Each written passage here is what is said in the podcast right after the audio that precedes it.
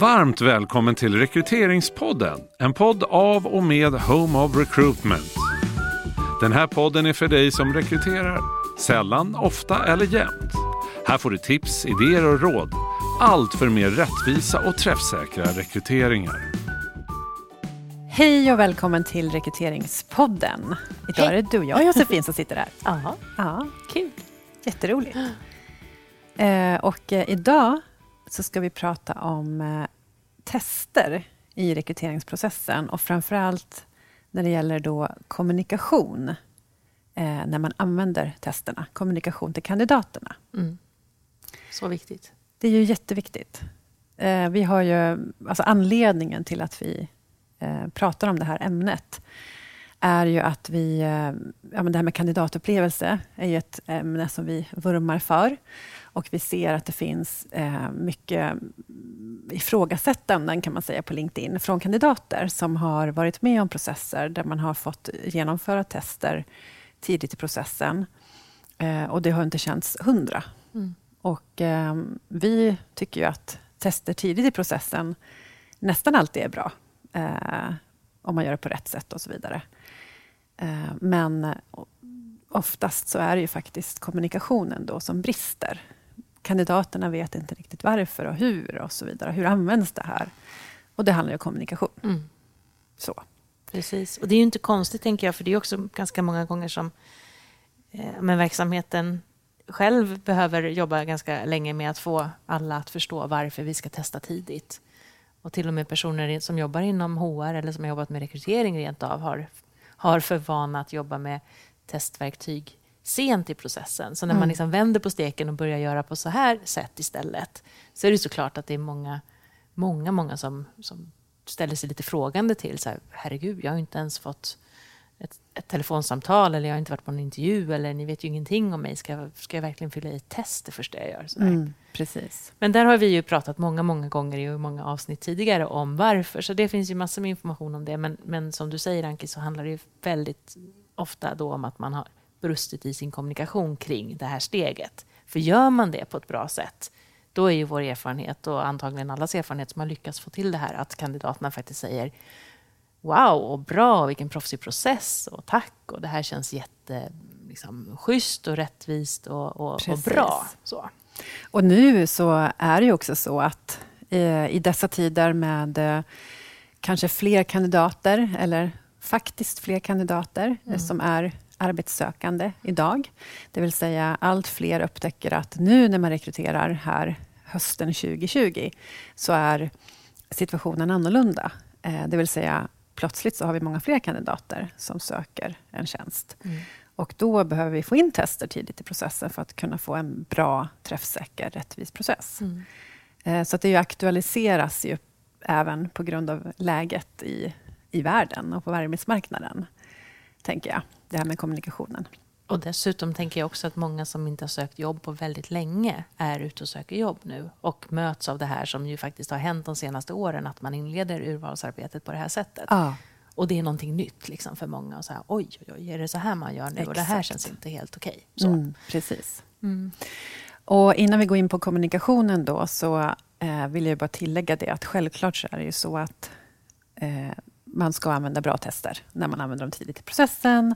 Och bra tester för, som är gjorda för screening ger ju eh, faktiskt en automatiserad återkoppling till varje kandidat som har genomfört testerna.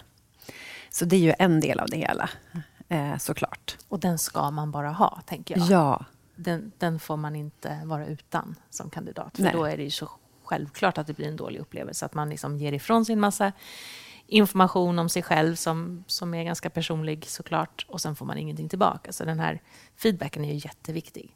Precis. Och det har ju mer med testerna att göra, att Mm. de faktiskt erbjuder det, eh, de tester vi använder. Eh, Men om man då tittar på eh, kommunikationen så handlar det ju såklart om att när kandidaterna ska liksom gå in i den här processen så till att börja med så tänker vi att självklart så ska man kommunicera redan i till exempel annonsen. Att i den här processen så ingår de här delarna. Även då tester till exempel. Så att, ja, förhoppningsvis så är man inte helt obekant med det som kandidat när man väl kommer in i processen. Mm. förväntan är liksom på rätt nivå. Ja. Mm. Och sen när man väl eh, står inför faktum och får det här testet och sådär.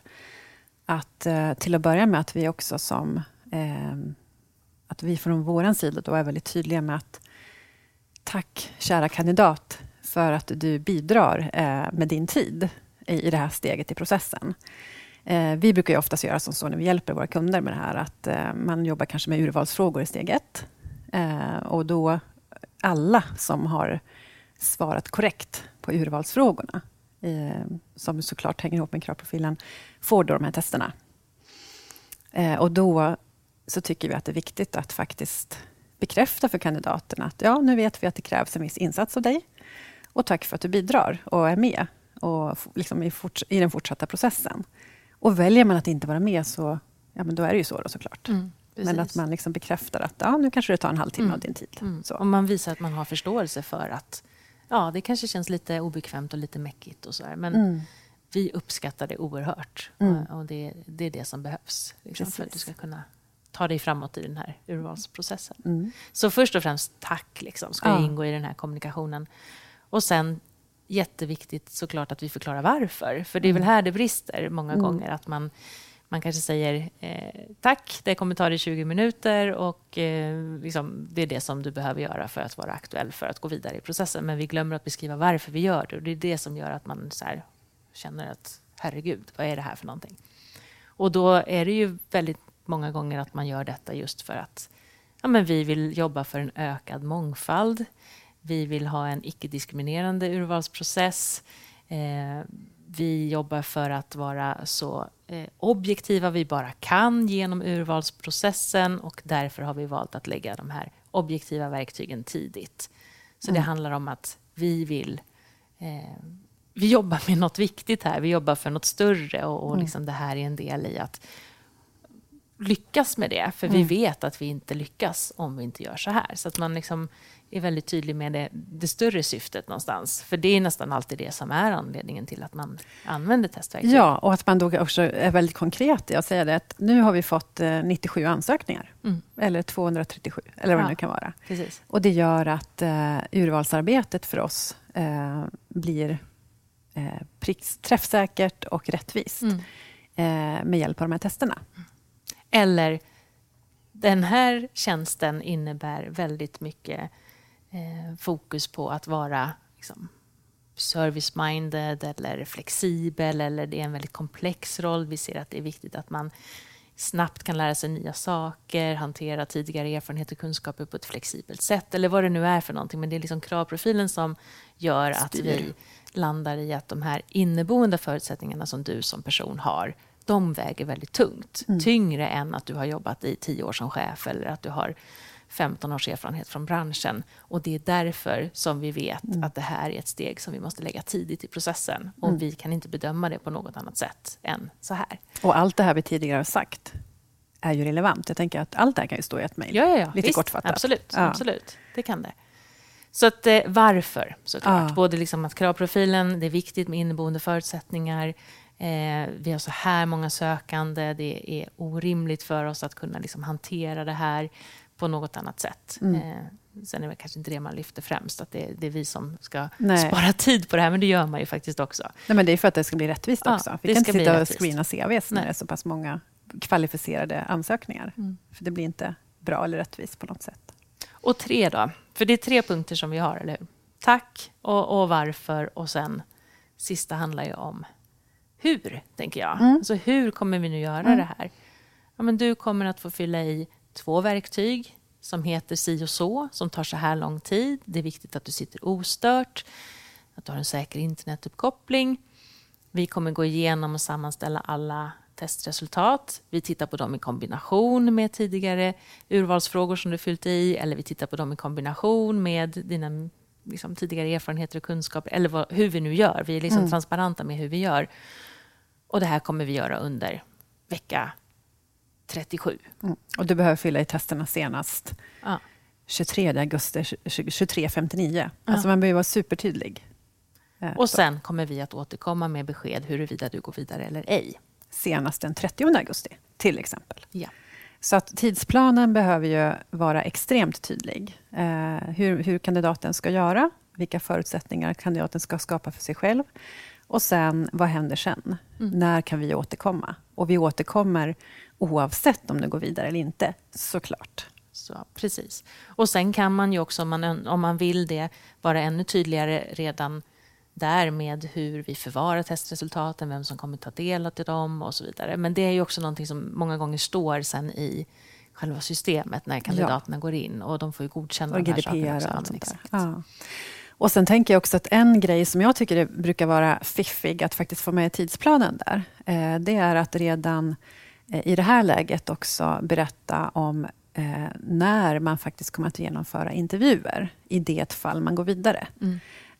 Det är ett sätt att också få kandidaterna att liksom förbereda sig kalendermässigt och säkerställa att tidsplanen kan rulla på. Mm.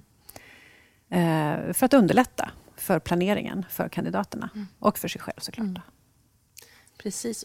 Och, och, vi har ju hjälpt till att formulera sådana här texter eh, x antal gånger nu.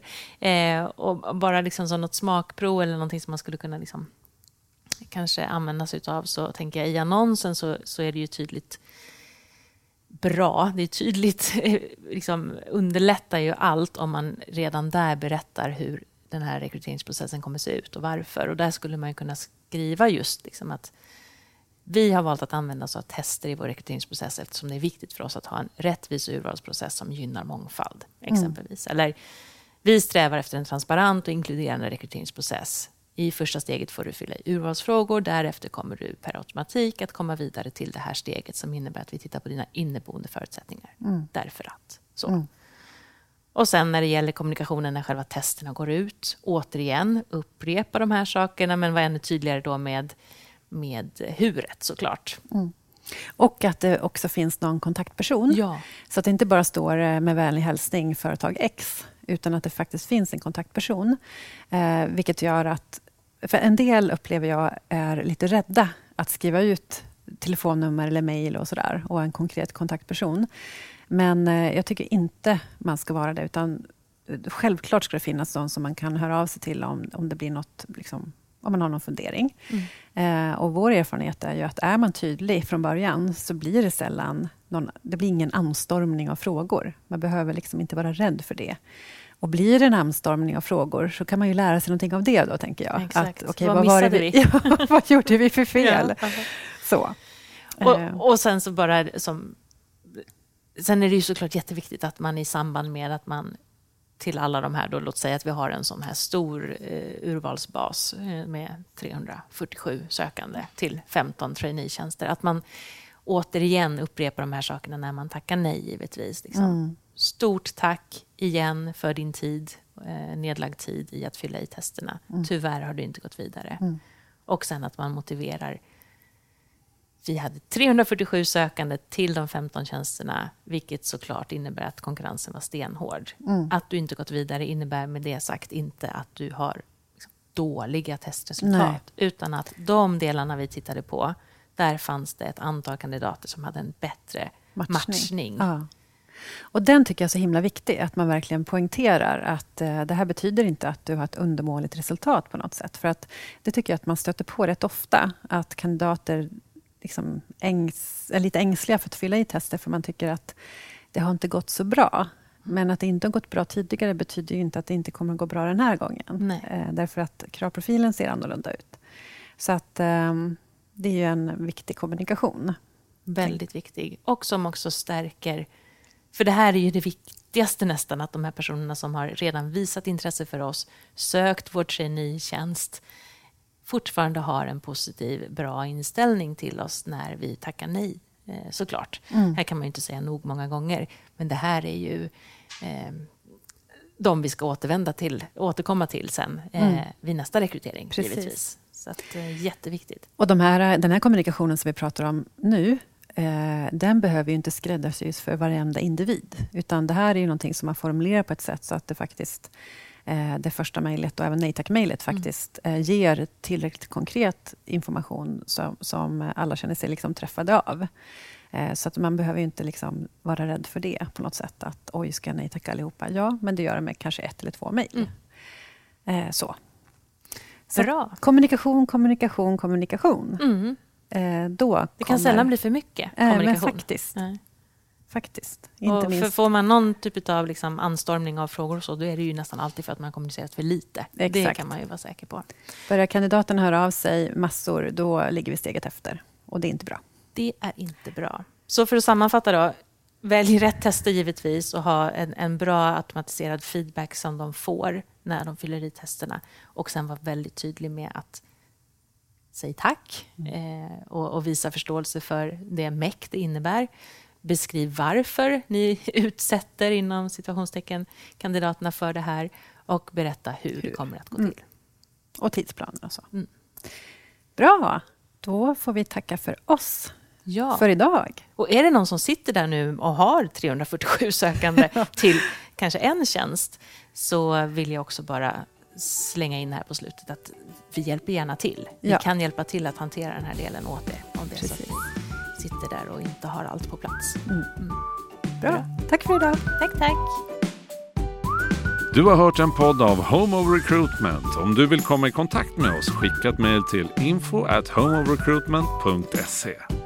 Podden är producerad av Septemberfilm.